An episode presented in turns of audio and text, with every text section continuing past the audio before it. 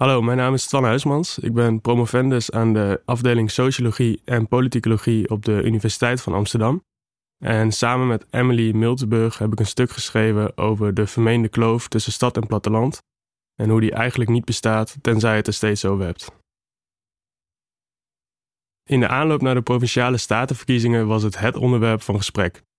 De kloof tussen stad en platteland. Gapende kloof, stad, platteland en politiek. Vooral boeren zijn het vertrouwen kwijt, kopte het AD. Politici voelden zich genoodzaakt om er uitgebreid op te reageren. De daaropvolgende winst van de boer-burgerbeweging werd door haar eigen aanhang dan ook gevierd als een zegen van het platteland. De aanhoudende discussies over stikstof en de boerenprotesten zetten deze kloof steeds hoger op de politieke agenda. Zeker nu de BBB vanaf 13 juni de grootste fractie is in de Eerste Kamer. In deze debatten spreekt men van grote regionale ongelijkheden. Verschil in welvaart, voorzieningen en infrastructuur.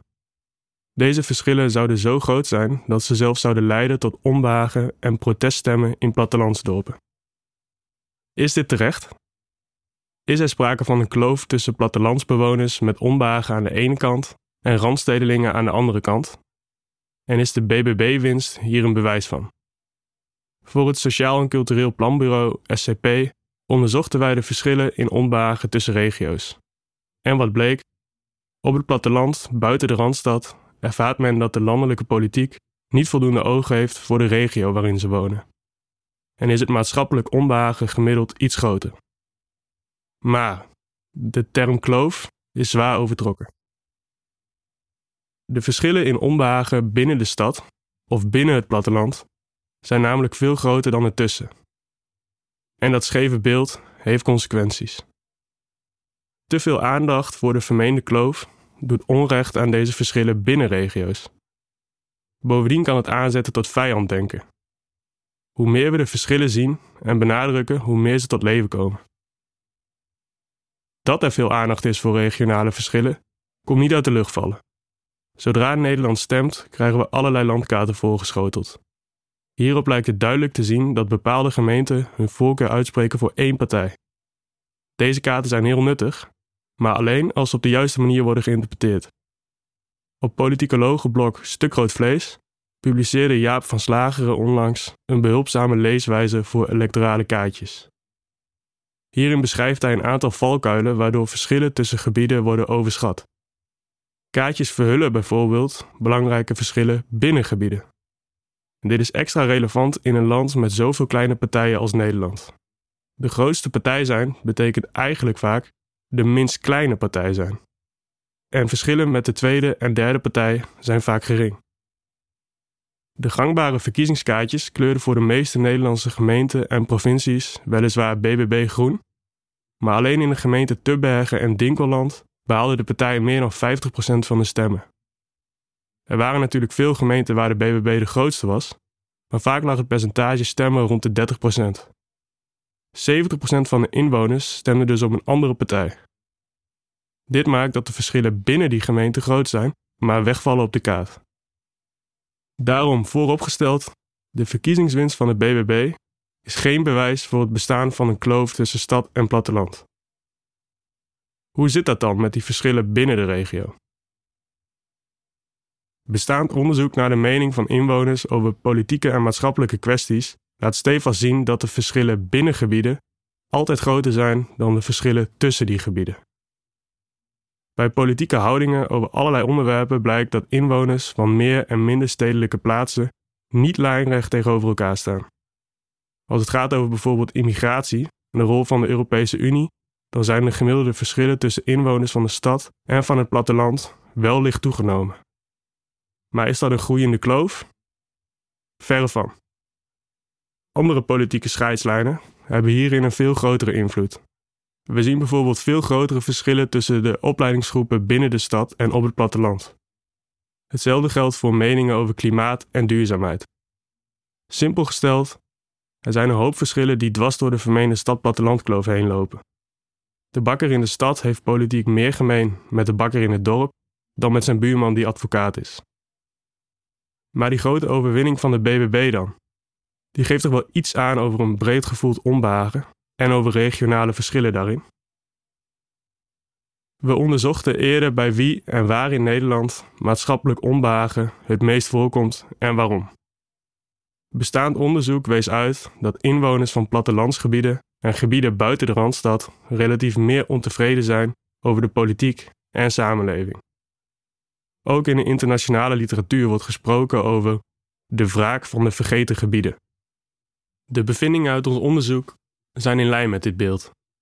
Maatschappelijk onbehagen is relatief laag in grote delen van de Randstad en is hoger in Zeeland, delen van Brabant, de Achterhoek en Limburg. In het noordoosten van Nederland, met name in Flevoland, Friesland en Groningen, ligt het gemiddelde niveau van onbehagen nog iets hoger. Ook valt op dat het onbehagen lager is in bepaalde steden dan in het ommeland.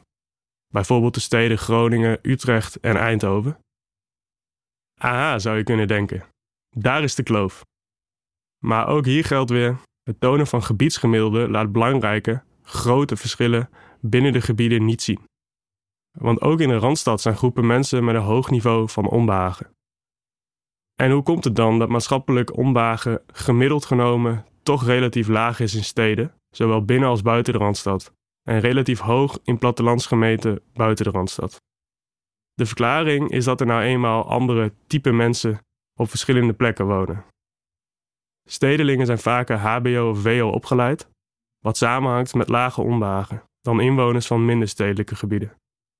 Met andere woorden, het zijn meer je hulpbronnen, zoals opleidingsniveau, inkomen of gezondheid, die je opvatting over de samenleving bepalen, dan de plek waar je woont.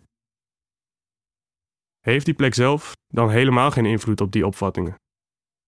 Op basis van ons onderzoek zien we slechts een bescheiden invloed van kenmerken van de gemeente waar mensen wonen. Als er in een plaats bijvoorbeeld veel bedrijven zijn die tot de kennisintensieve sectoren behoren en er minder vergrijzing is in een gemeente, hebben mensen daar gemiddeld genomen minder maatschappelijk onbehagen. Toch zijn er nog hardnekkige geluiden over dat die regionale verschillen een enorme rol spelen in hoe mensen zich voelen. Het publieke debat heeft het over verdwijnen van publieke voorzieningen zoals bibliotheken, scholen en supermarkten, als oorzaak van onbehagen op het platteland. We vinden in onze SCP-studie geen bewijs voor een samenhang. Dat wil echter niet zeggen dat het verdwijnen van voorzieningen onbelangrijk is. Het blijkt namelijk dat verschaling van voorzieningen gevolgen kan hebben voor het maatschappelijk leven en de regionale brede welvaart. Zijn die regionale ongelijkheden dan helemaal niet belangrijk voor het verklaren van onbehagen? Toch wel.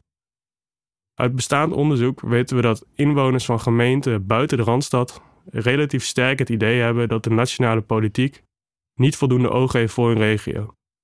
En dat hun regio wordt benadeeld bij het verdelen van allerlei lasten en lusten.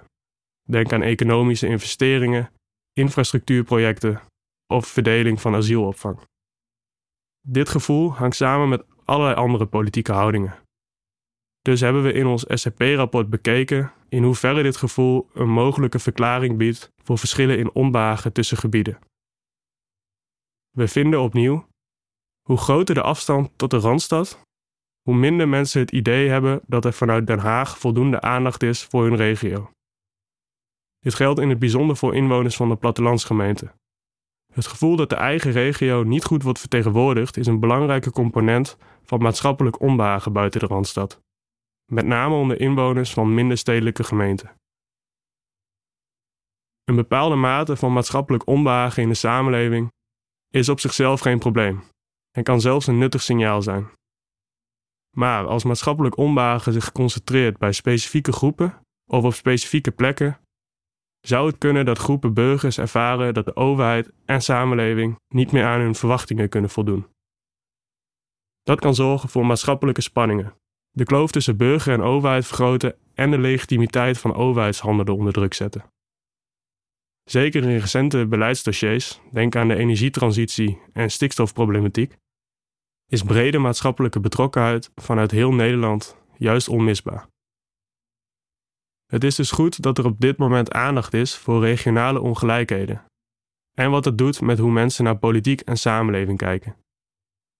Het is zeker een politieke discussie waard hoe we in Nederland rijksgelden verdelen over gebieden en hoe er tot een goede afweging van regionale belangen op landelijk niveau gekomen kan worden.